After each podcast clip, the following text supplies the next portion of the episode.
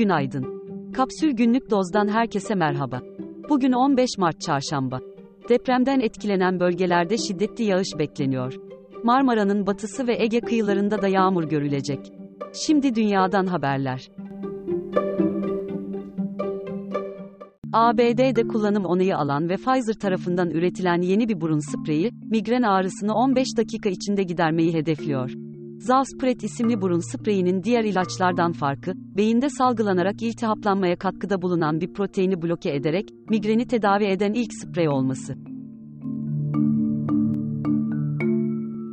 Rusya'nın işgali sonrasında ABD'ye giden Ukraynalıların, ülkede daha uzun süre kalmasına izin verildi. Ukraynalı mülteciler, işgalin ardından ABD'ye iki farklı programla gitti. İlk programla giden grubun ülkede bir yıl kalma izni bulunuyordu. İkinci programla giden grubun ise iki yıl ülkede kalma izni var. İsrail'de, haftalardır tartışmalara ve protestolara yol açan yargı reformuyla ilgili oylama, parlamentoda sürüyor. 120 vekilden 61'i, yüksek mahkeme kararlarının salt çoğunlukla geçersiz kılınmasını sağlayan ilk maddeye, lehte oy verdi.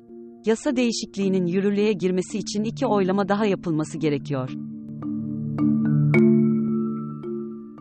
ABD'de, Silicon Valley Bank krizinin ardından mevduat sahiplerinin de ilgisi büyük bankalara yöneliyor. Bloomberg'ün haberine göre, ABD'nin en büyük bankası JP Morgan Chase son günlerde milyarlarca dolarlık mevduat girişi yaşarken, Citigroup ve Wells Fargo'ya da normalden daha yüksek hacimli para girişi gerçekleşti. Şimdi Türkiye'den haberler. YSK'nın belirlediği seçim takvimi açıklandı.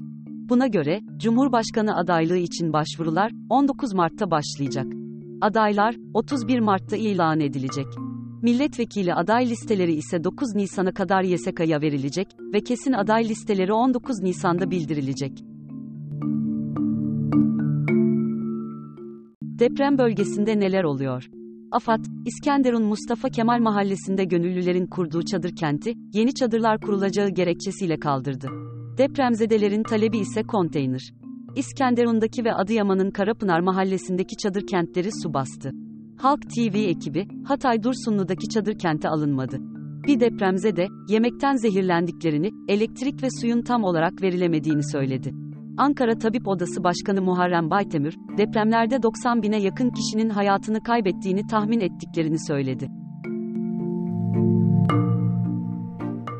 Deprem sonrası İstanbul İstanbullu sanayiciler, bir yandan deprem korkusu, bir yandan enflasyonun maliyetleri artırması nedeniyle, Anadolu'da yeni yerler arıyor.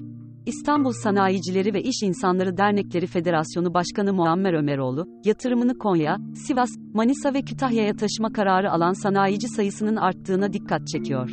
Bunun nedenleri arasında, uygun maliyetli arsa ve lojistik avantajı yer alıyor. Günün sözü, memleketi Hatay'da depremin ardından yaşananları anlatan, eski milli futbolcu Gökhan Zan'dan. e, Cumhurbaşkanlığı İletişim Başkanlığı diye bir, bir şey var. Evet. Beni aradılar. Çağatay Bey diye birisi ve Ali Bey diye birisi. Soy isimlerini hatırlamıyorum. Numaralarımı bulmuşlar. Gökhan Bey işte yaptıklarınızı görüyoruz. İşte mücadele ediyorsunuz. Biz sizin emrinizdeyiz. Ne ihtiyacınız varsa. Çünkü biriyle koordine olmak zorundasınız. Tabii. Kimle koordine olacaksınız? Bir yetkiliyle olmak Öyle. zorundasınız. O önemli. Bir yarım saatte gelecek olan kepçe akşam altından gece 12'ye kadar zifiri karanlıkta bekledik o soğukta. Biz Mezarlık. defnedemiyoruz. Aldık enkazı tekrar geri getirdik. Enkazda bıraktık orada bekledik sabaha kadar tekrar geri getirdik. Kendi imkanlarımızla bu sefer yaptık. Şimdi böyle bir insan bu kadar ağır bir travma üzerine size yalan konuşuyor. Ben hakkımı helal etmiyorum. Bu çok ağır bir şey. Bir gün değil, iki gün değil, bir hafta boyunca bana yalan söyledi.